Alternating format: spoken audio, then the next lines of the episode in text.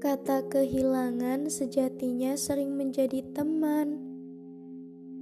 Dan kalau boleh saya cerita, jadi saya baru saja lulus SMA. Dan otomatis saya menjadi kehilangan teman-teman yang sangat berarti dalam hidup saya. Teman yang sudah saya anggap seperti keluarga sendiri tapi dari situ saya sadar bahwa sejatinya manusia memang tidak pernah memiliki apa pun. Yang datang kemudian akan pergi, yang hadir lalu hilang takkan kembali. Semuanya mengajarkan tentang keikhlasan, karena hakikatnya Allah hanya menitip, bukan memberi.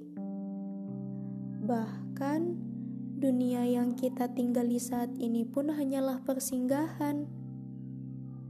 Dan kita hanyalah musafir dunia yang Allah berikan kemudahan dan ujian yang selalu membawa keranjang pahala dan dosa.